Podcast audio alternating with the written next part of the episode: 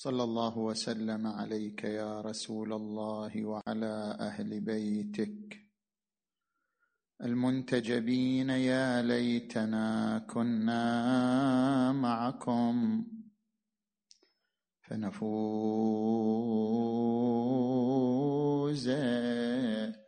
فوزا عظيما. أعوذ بالله من الشيطان الغوي الرجيم.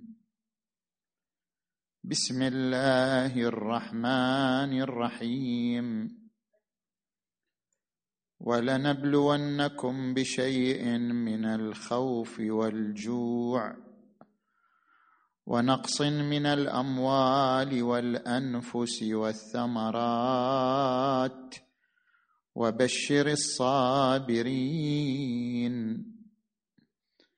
الذين إذا أصابتهم مصيبة قالوا إنا لله وإنا إليه راجعون.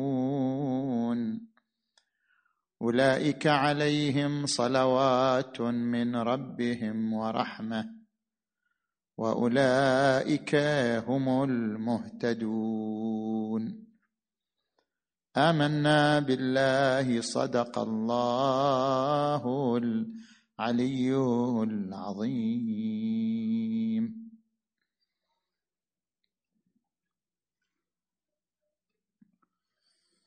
انطلاقا من الآية المباركة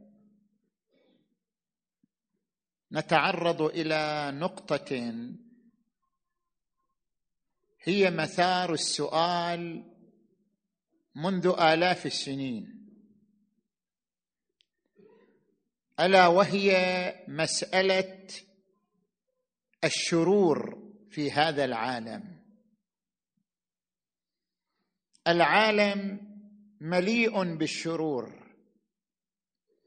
الزلازل البراكين الأمراض الأوبئة المجاعة الظلم الفقر. هذا العالم المليء بالشرور. هل يتلائم وينسجم مع أن الله عادل رحيم؟ إذا كان الله وهو مبدأ هذا الوجود عادلا رحيما فلماذا خلق الوجود مليئا بالشرور مليئا بالآفات مليئا بالمشاكل؟ أليس من رحمته أن يخلق هذا العالم مليئا بالخير؟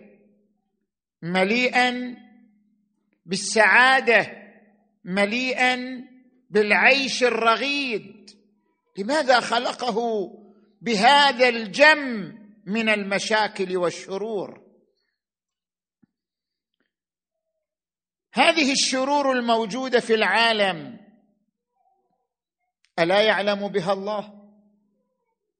هو العالم المطلق اذا هو عالم بها. إذا كان عالم بوجود هذه الشرور أليس قادرا على اقتلاعها وإعدامها؟ وهو القادر المطلق. لماذا لا يقتلع الشرور من العالم ويجعل العالم صافيا خاليا من كل شر وألم؟ إذا كان هو العدل وهو الرحمة وهو العالم المطلق وهو القادر المطلق. فلماذا يترك الوجود يعج بالآلام والشرور؟ هذه المسألة طرحها أبي قور منذ القرن الثالث الميلادي. طرح هذا السؤال وأصبح الفلاسفة والعلماء والناس والمتكلمون يبحثون عن جواب عن هذا السؤال. نحن نطرح أربعة أجوبة لهذا السؤال وننتهي بالجواب الذي ينسجم مع سيرة الأولياء وسيرة الطاهرين. نأتي إلى الجواب الأول.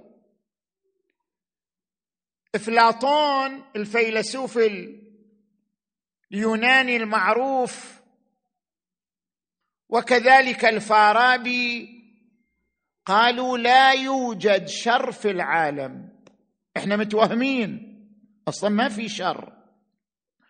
الشر أمر عدمي نحن نتوهم أن هناك شر وإلا الشر أمر عدمي. الفقر هو عدم الغنى المرض هو عدم الصحة الألم هو عدم الراحة الموت هو عدم الحياة. كل ما نسميه شر هو في الحقيقة عدم. عدم صحة عدم حياة عدم راحة عدم غنى. كل الشرور هي أعدام. والعدم ليس شيئا حتى يخلقه الله. لماذا لماذا نسأل؟ لماذا نسأل هذا السؤال؟ الله لماذا خلق الشر؟ الشر ليس شيء حتى يخلقه الله. الشر مجرد عدم. الشر مجرد انطفاء انمحاء. ليس شيئا حتى نسأل لماذا خلقه الله. الله خلق الأشياء. أما العدم فليس شيئا حتى ينسب إلى الله تبارك وتعالى خلقه. اذا افلاطون يقول أصلا ما في شر. أنتم متوهمين أن هناك شر. لا يوجد شر في الكون. الشر إنما هو عدم والعدم ليس بشيء وما ليس بشيء لا يخلقه الله تبارك وتعالى. هذا الجواب الأول. هذا الجواب الأول. هناك ملاحظة واضحة على هذا الجواب. ماذا تقول في الألم؟ أليس الألم شعور؟ الألم شعور لا يمكن أن إنسان ينكر ذلك. كما أن اللذة نوع من الشعور فإن الألم أيضا نوع من الشعور. كما أن اللذه وجود الألم أيضا وجود. كيف ننكر وجود الشر والألم شر؟ مع أن الألم من سنخ الوجود. كما أن الإنسان يلتذ ونعتبر اللذه وجود كذلك الإنسان يتألم والألم نوع من الوجود. فالألم شر ومع ذلك يشعر به الإنسان ومع ذلك يعيشه الإنسان لأنه أمر شعوري وجداني. فكيف يقال لنا الشرور كلها أوهام وأعدام؟ قل الالم ليس وهم الألم ليس عدم ومع ذلك الألم شر يعيشه الإنسان وأذى يعيشه الإنسان. اذا هذا الجواب الأول جواب عليه ملاحظة. نجي إلى الجواب الثاني. الجواب الثاني أن الشر مسألة نسبية مو مسألة حقيقية. كيف يعني مسألة نسبية؟ الآن أضرب لك مثال وأمثلة. عندما نأتي للألم ترى الألم زين الألم مو شر أنت تعتبره شر. يعني هو مسألة نسبية. لولا الألم لما اكتشفنا المرض. الألم يدلنا على وجود المرض فالألم خير. لولا أن الجسم يمتلك أجهزة سليمة لما تألم الإنسان. الذي يتألم هو الإنسان السليم ولا الإنسان الذي لا يتألم إنسان مريض. الألم خير. لأن به نكتشف المرض. الألم خير لأن بالألم نكتشف أن الجسم يدق جرس الإنذار عندما يتعرض إلى خطر من الأخطار. اذا لماذا نعتبر الألم شر؟ مسألة نسبية. لأن الألم لا يناسبك تعتبره شر وإلا هو ليس بشر. مسألة الشر مسألة نسبية. نجي مثلا إلى افترض البعوضة الذبابة. إيش رأيك في الذبابة؟ تعتبرها شر بينما الذبابة في حد ذاتها طاقة. الذبابة البعوضة في حد ذاتها طاقة تسهم في تلقيح بعض النباتات فهي في حد ذاتها طاقة. لكن لأنها لا تناسبك أيها الإنسان تعتبرها شر وهي في حد ذاتها خير. إذا أصبح الشر مسألة نسبية. الشيخ الرئيس ابن سينا أحد الفلاسفة الكبار في كتابه الشفاء الذي كتبه في المنطق والفلسفة أجاب بهذا الجواب. قال الشر مسألة نسبية وليست مسألة حقيقية. كل ما في الكون هو خير. الإنسان يعتبره شر لأنه لا يناسبه. يعتبر الذباب شر لأنها لا تناسبه لكن الذباب طاقة في حد ذاتها. يعتبر الألم شر لأنه لا يريحه مع أن الألم خير لأن به نكتشف المرض. المسألة مسألة نسبية. أضرب لك مثال أوضح. لو أن الإنسان ابتلي بالمرض الخبيث والعياذ بالله. هذا المرض الخبيث في الكبد في كلى في إصبع من أصابعه. يقولون له حياتك تتوقف على أن نبتر هذا العضو. هذا العضو فيه المرض نبتر العضو حتى تحافظ على حياتك حتى تحافظ على صحة جسمك. فهذا بتر العضو نعتبره خير أم شر؟ لو ما كان الإنسان مريض لاعتبرناه شرا لكن لأن الإنسان مريض ويتوقف حياته على بتر هذا العضو اعتبرنا بتر العضو شنو؟ شرا. اذا المسألة مسألة نسبية وليست مسألة حقيقية. الشر مسألة نسبية وليست مسألة حقيقية. هكذا أجاب ابن سينا. طيب. هل هذا الجواب صحيح؟ هل هذا الجواب يشفينا ويكفينا؟ يجيك سؤال آخر. ديفيد هيوم أحد الفلاسفة الإنجليز طرح هذا السؤال طرح هذه الملاحظة. قال طيب إذا الشر مسألة نسبية لماذا خلق الله العالم بحيث يصبح نفع مخلوق في ضرر مخلوق آخر. ليش؟ يعني مثلا نجي إلى الأفعى. الأفعى لها السم. السم ضروري للأفعى. يعني الأفعى بالنسبة لها السم خير لكن السم بالنسبة للإنسان شر. هو للأفعى خير وهو للإنسان شر. طيب لماذا خلق الله الوجود بهذا الشكل؟ بحيث يصير شيء واحد هو نفع لمخلوق وضرر لمخلوق آخر. لماذا لم يخلق الوجود منسجم مع بعضه البعض؟ كله نفع كله خير. بلا أن يكون مسألة واحدة أو شيء واحد هو خير لموجود شر لموجود آخر. نفع لموجود ضرر لموجود آخر. اذا السؤال ما أجبنا عنه. نجي الآن إلى الجواب الثالث عن هذا السؤال. صلوا على محمد وآل محمد.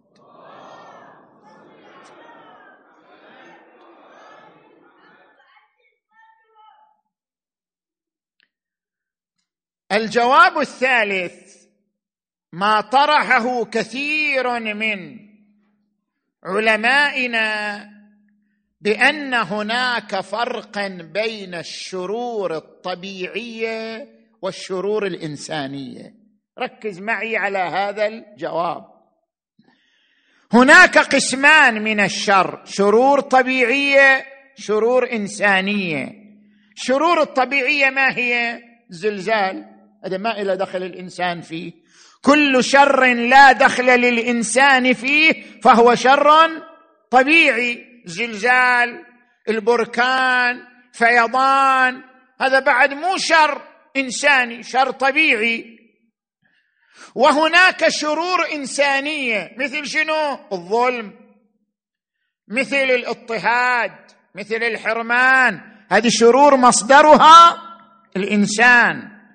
يوجد فرق بين الشرور الطبيعية والشرور الإنسانية. نجي إلى الشرور الطبيعية. هل الزلازل والبراكين والفيضانات شر؟ لا.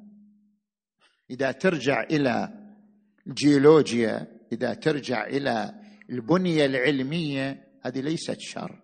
ليش ليست شر؟ الآن أنا أوضح لك هذه النقطة. هذا الكون الذي نعيشه أسرة واحدة. يكمل بعضه بعضا. كل الكون الله خلق بطريقة يحتاج كل شيء منه إلى الشيء الآخر. أسرة متكاملة. كيف يعني أسرة متكاملة؟ خل أضرب لك أمثلة. يعني الآن مثلا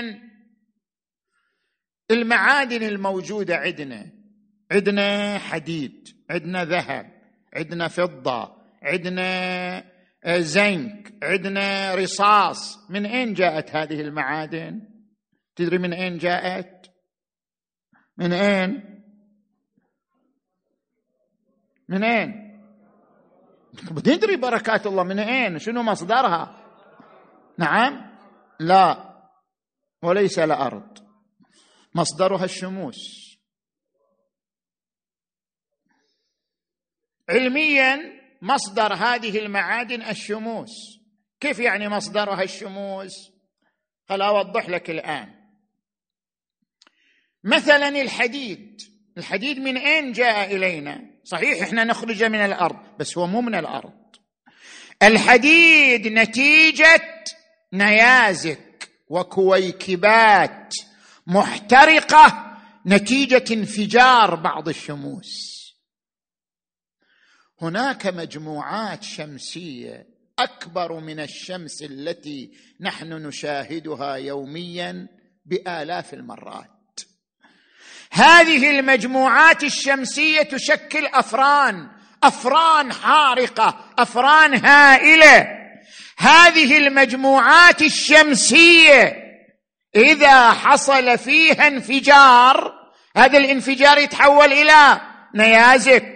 كويكبات تسقط على الأرض بحكم الجاذبية. الأرض تجذبها إذا سقطت على الأرض استقرت تفاعلت مع تراب الأرض تحولت إلى حديد. القرآن ماذا يقول؟ وأنزلنا الحديد. ما قال القرآن؟ وأخرجنا الحديد. قال شنو؟ وانزل يعني الحديد مو خارج من الأرض نازل من السماء. وأنزلنا الحديد فيه بأس شديد ومنافع للناس. الحديد ما جاء من الأرض الحديد نزل عليك من السماء. الحديد انفجار كسوف للشمس الحارقة. يتحول إلى هذه العناصر. اذا أنت الآن شوف لاحظ جسمك الآن. جسمك مليء بالمعادن. فيه نسبة من الحديد فيه نسبة من الرصاص. جسمك هذا المليء بالمعادن تتوقف حياته على تلك الشموس الحارقة. أتحسب أنك جرم صغير وفيك انطوى العالم الأكبر. كل هذه الشموس تؤثر في حياتك تؤثر في وجودك تؤثر في جسمك اذا بالنتيجة الكون خلق يؤثر بعضه في البعض الآخر. أنت لبالك تعيش على الأرض وكأنك منفصل عن الوجود. لا!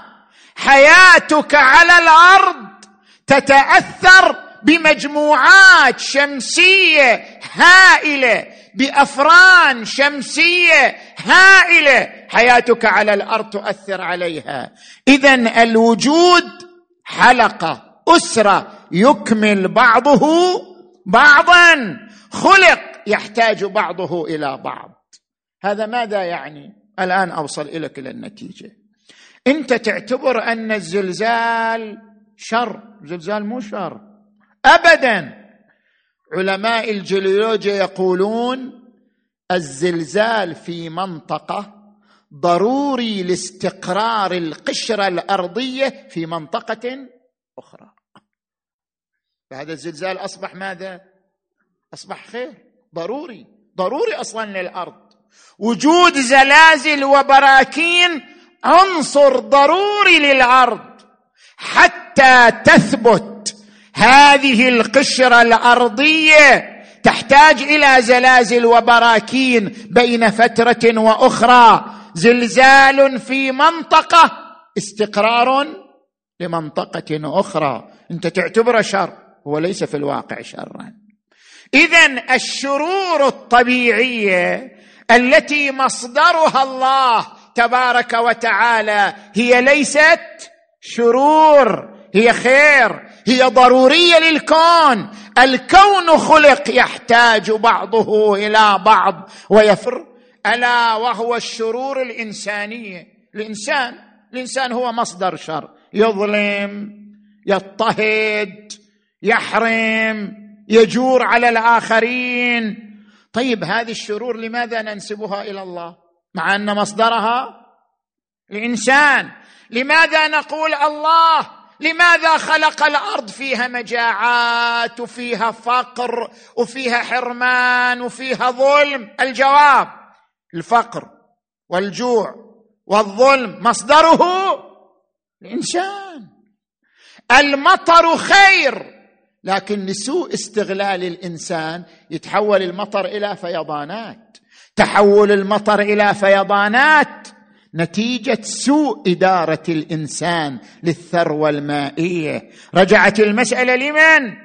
للإنسان لظلم الإنسان لتقصير الإنسان. ولم ترجع المسألة لله. كي يقال لماذا الله خلق الكون مليئا بالشرور؟ هذه الشرور مصدرها جور الإنسان واعتداء الإنسان وبغي الإنسان. كلا إن الإنسان ليطغى أن رآه. استغنى. الإنسان يطغى. زين طيب. نجي إلى سؤال يطرحه بعض العلماء. ألا وهو يقول لك لماذا ويليام جيمس يطرح هذا السؤال؟ لماذا خلق الإنسان وهو يريد الخير ويريد الشر؟ طيب خل الله يخلقه لا يريد إلا شنو؟ الخير. طيب لماذا خلقه الله تارة يصدر خير. وتارة يصدر شر. فمن يعمل مثقال ذرة خيرا يره. ومن يعمل مثقال ذرة شرا يره. لماذا؟ لماذا لم يكن العالم ليس فيه إلا الخير؟ خل الله يخلق البشر لكن يخلقهم بنفسية لا تتجه إلا نحو الخير ونتخلص من المشكلة. لماذا خلق البشر تارة يميلون إلى الخير وأخرى يميلون إلى الشر؟ لماذا لم يخلق عالما كله في الخير؟ الجواب لماذا خلق الإنسان؟ خلق الإنسان لكي يصل إلى الكمال. شوف لاحظوا الآية المباركة تقول تبارك الذي بيده الملك وهو على كل شيء قدير الذي خلق الموت والحياة. لماذا؟ ليبلوكم أيكم أحسن عملا. المهم أن تكون أحسن. المهم أن تصبح أحسن أكمل. كيف يصل الإنسان إلى هذه الدرجة؟ يصبح أحسن. بالاختيار. لولا أن الإنسان يمتلك إرادة لما وصل إلى الكمال. لولا أن الإنسان يمتلك صراع بين الخير وبين الشر لما وصل إلى الكمال. وصول الإنسان إلى الكمال يحتاج إلى عنصرين إرادة وصراع بين الخير والشر. لو لم يكن هناك صراع بين الخير والشر ما وصل الإنسان إلى الكمال. افترض الإنسان ما يفكر إلا في الخير هل يعتبر إنسان كامل؟ لا. نقول ما بي فخر هذا. وصل إلى الخير لأنه أساسا لا يرى إلا الخير لأنه أساسا لا يتجه إلا نحو الخير. متى يصبح الإنسان كاملا؟ إذا عاش شنو؟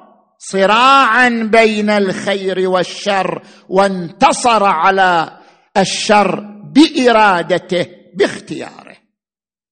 اذا لاحظوا يا إخوان لا معنى لأن يقول الإنسان أو لا معنى لأن نطرح هذا السؤال. هذا السؤال ما هو؟ نقول لماذا خلق الله الإنسان وهو يريد الشر؟ لماذا لم يخلق الإنسان مريدا للخير فقط وفقط؟ الجواب لو أن الإنسان خلق لا يريد إلا الخير لما أصبح إنسانا كاملا. الإنسان الكامل هو الذي عاش صراعا بين الخير والشر وبقوة إرادته انتصر على الشر وأصبح قمة في الخير.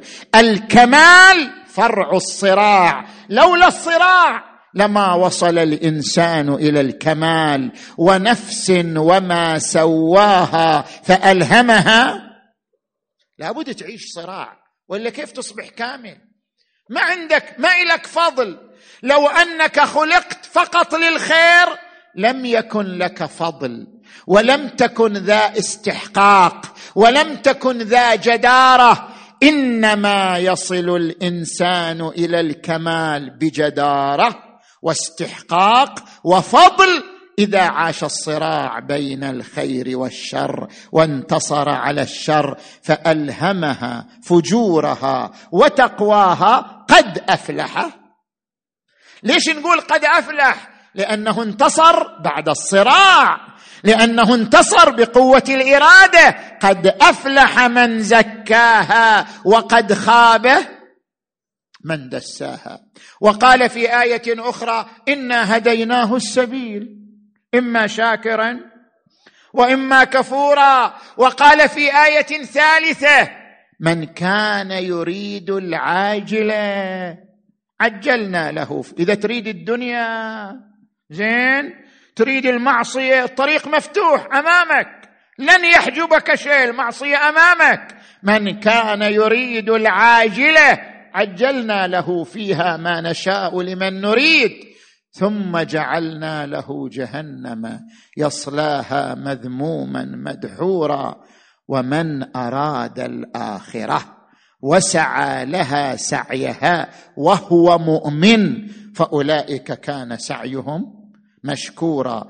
كلا نمد هؤلاء. هؤلاء.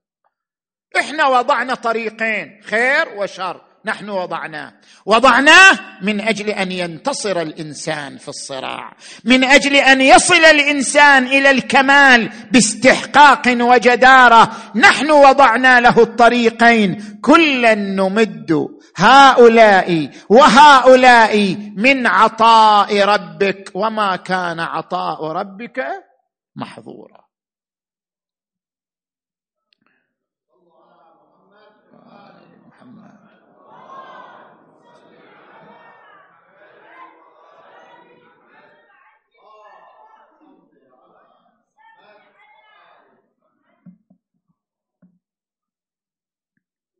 نجي إلى الجواب الرابع والأخير. الجواب الرابع. لولا أن الله خلق الخير والشر لما عرفنا قيمة الخير. إنما تعرف الأشياء بأضدادها. لولا وجود الموت ما عرفنا معنى الحياة. ولولا وجود الفقر ما عرفنا معنى الغنى. ولولا وجود الألم ما عرفنا معنى اللذة ولولا وجود الظلام ما عرفنا معنى النور. لن تستطيع أن تصل إلى الخير وأن تستغله وأن تستثمره إلا مع وجود الشر. فخلق الخير مع الشر. الخير والشر متوائمان متلازمان. لكي تعرف قيمة الخير فتسعى إليه لأنك ترى الشر مضادا له ومقابلا له. لذلك خلق الخير والشر كي تعرف قيمة الخير. خلق الضد لكي يعرف قيمة ضده.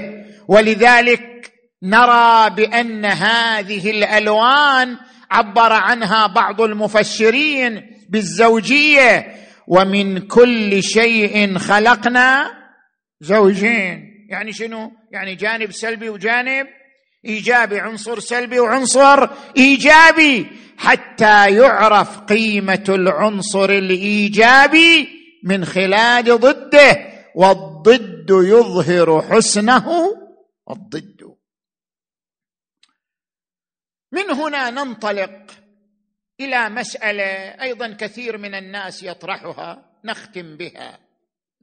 هذه المسألة هي لماذا يبتلي الله المؤمنين؟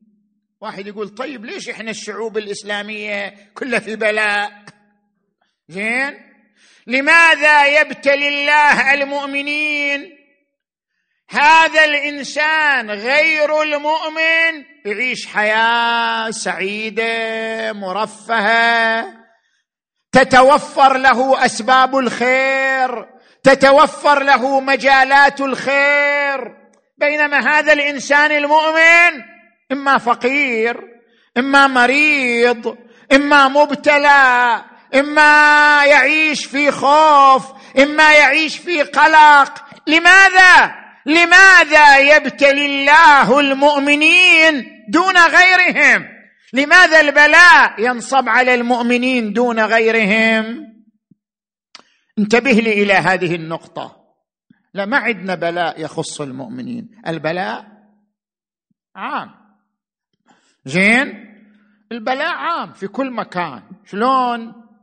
القرآن الكريم يقول هل أتى على الإنسان حين من الدهر لم يكن شيئا مذكورا؟ إنا خلقنا الإنسان من نطفة أمشاج. أمشاج يعني مختلطة بين بويضة المرأة والحويمن المنوي للرجل. الأمشاج يعني المختلط.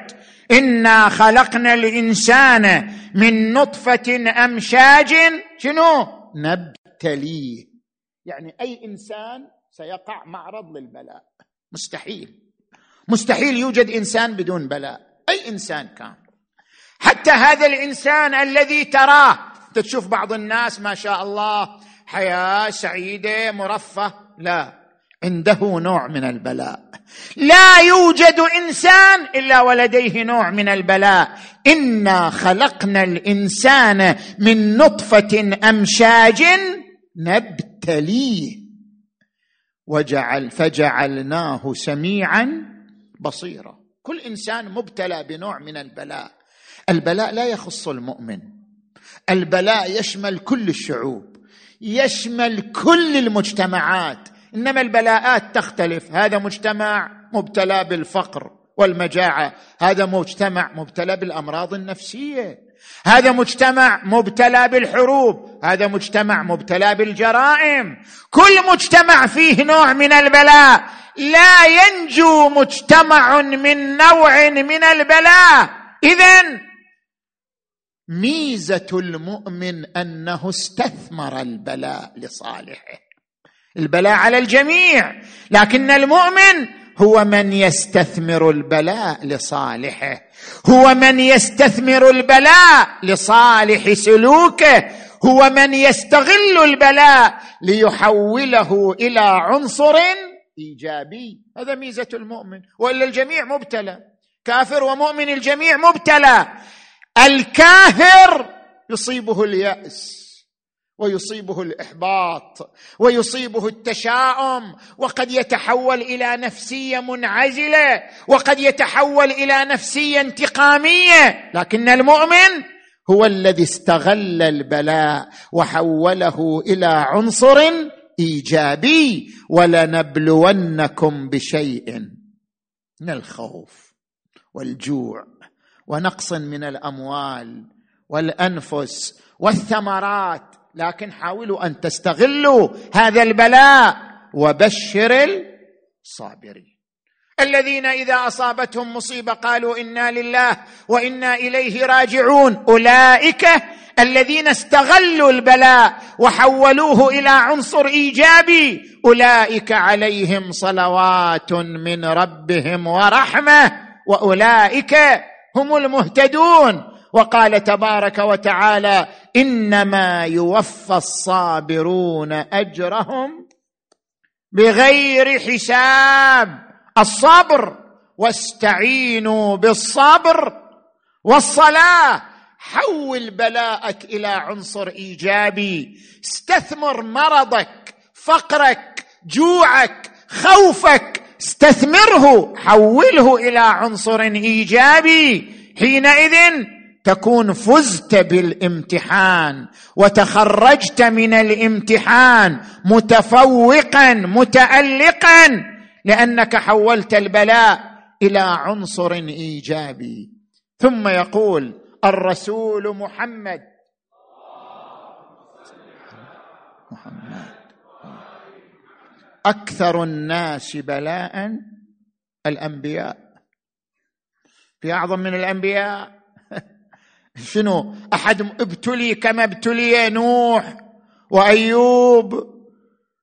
أكثر الناس بلاء هم الأنبياء ثم الأوصياء ثم الأولياء ثم الأمثل فالأمثل. وورد عنه صلى الله عليه وآله ما أوذي نبي مثل ما أوذيت. يعني البلاء الذي حصلت عليه وأصابني ما أصاب نبيا آخر. ما أوذي نبي مثل ما أوذيت. لكنه قابل البلاء بالاستغلال بالروح الإيجابية بالروح المنفتحة على الحياة بالصبر بقوة الإرادة.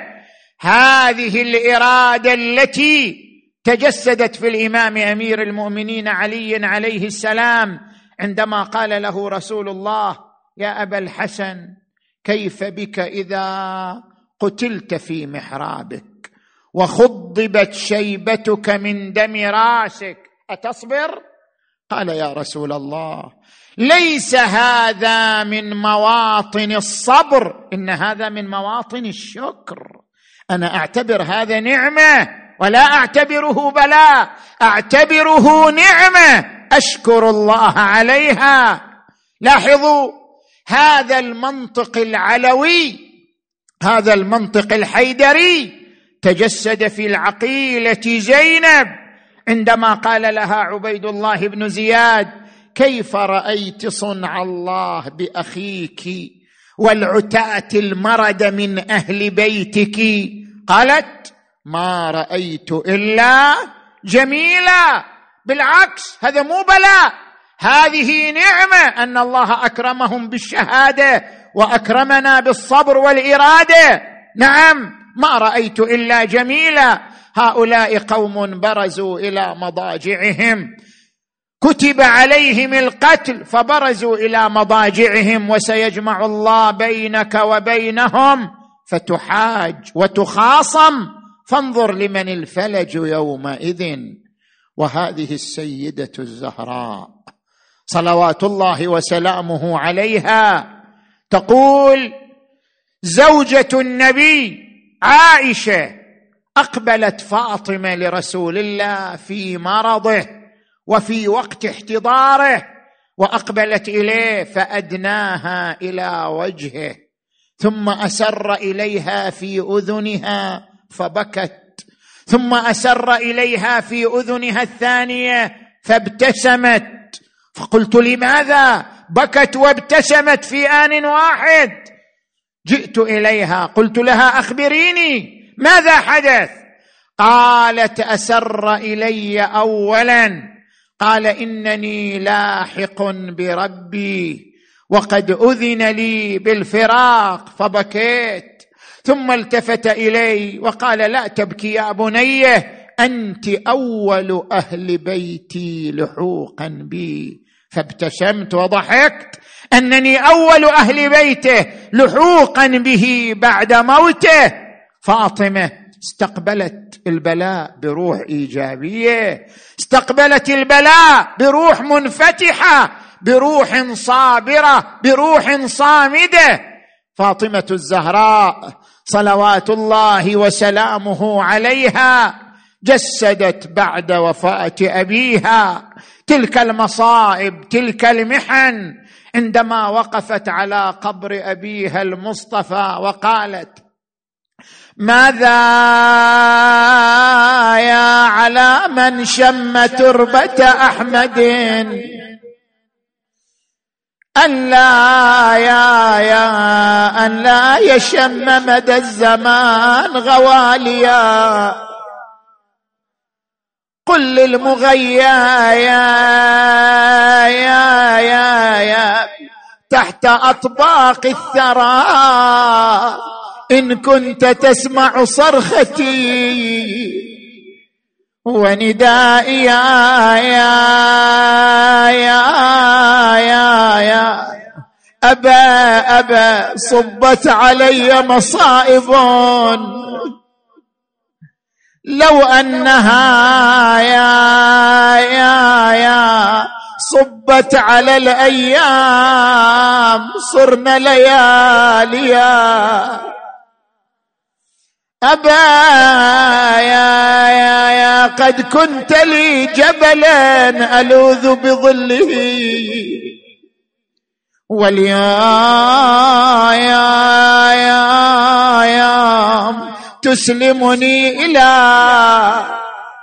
أعدائي يا بويا بويا قامك يا بويا ما رعوني ما رعوني وخلاف عينك مرمروني وحتى البك عليك امنعوني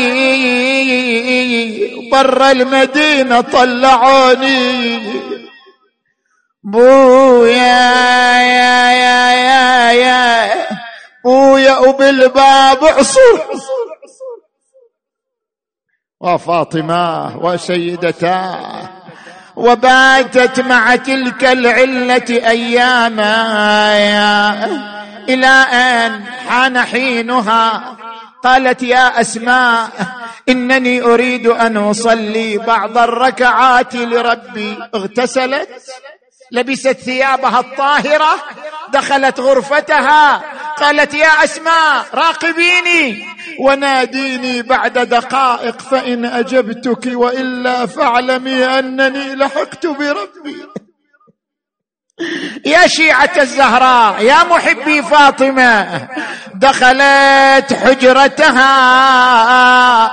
أقامت بعض الركعات تقول أسماء وقفت على الباب أسمع أنينها. وإذا بها ترفع يديها وتقول إلهي اغفر للعصاة من أمة أبي إلهي. اغفر للعصاة من شيعة بعلي.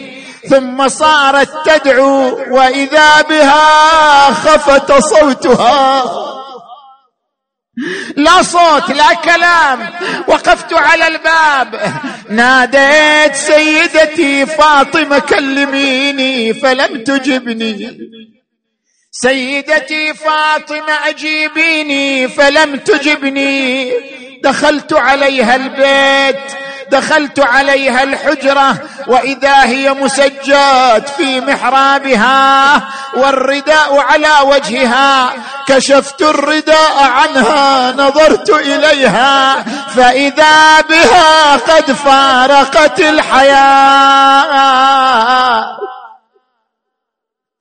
أنا مناد وفاطمة وسيدتا الله أكبر. وين المصيبة؟ ها المصيبة عندما دخل الحسن والحسين.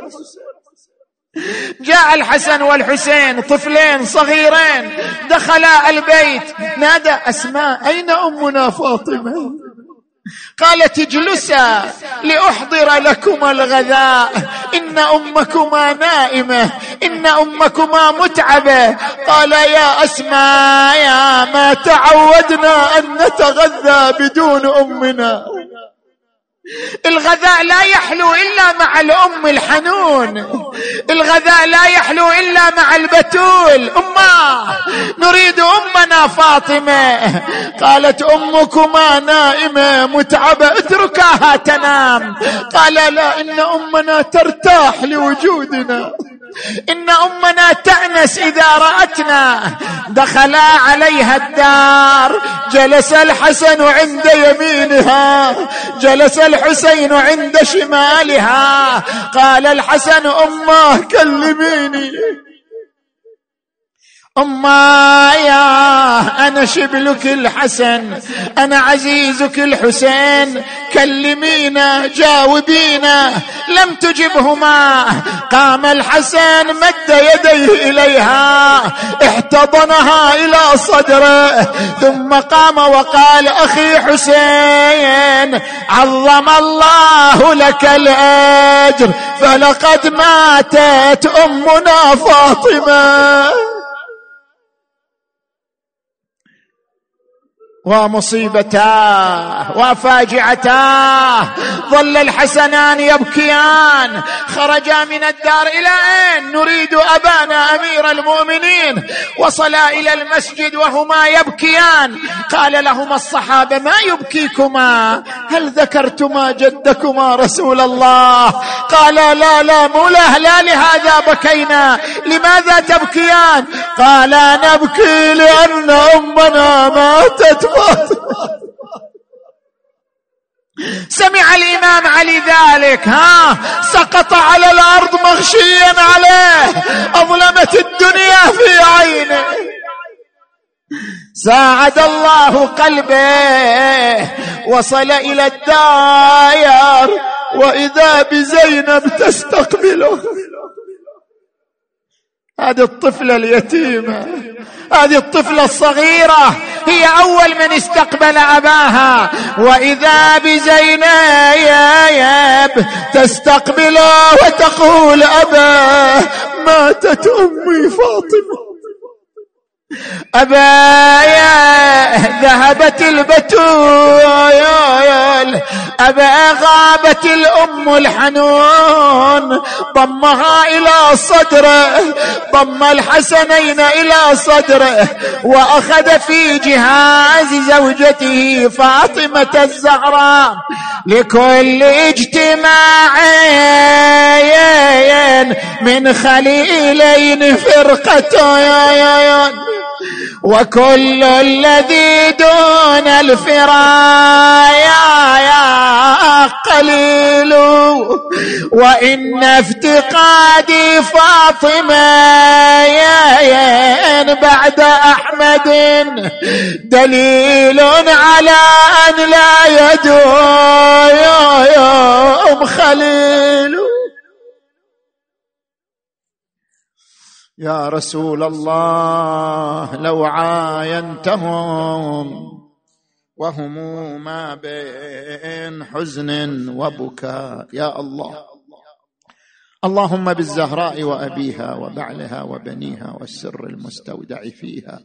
اللهم اغفر ذنوبنا واستر عيوبنا وكفر عنا سيئاتنا وتوفنا مع الأبرار. اللهم اشف مرضانا ومرضى المؤمنين والمؤمنات خصوصا المرضى المنظورين. اللهم اشفهم وعافهم وفرج عنهم يا أرحم الراحمين. اللهم عجل فرج وليك وابن أوليائك واكتب له النصر والظفر. اللهم ارحم أمواتنا وأمواتكم وأموات المؤمنين والمؤمنات. طبعا الليلة القادمة ستكون آخر ليلة.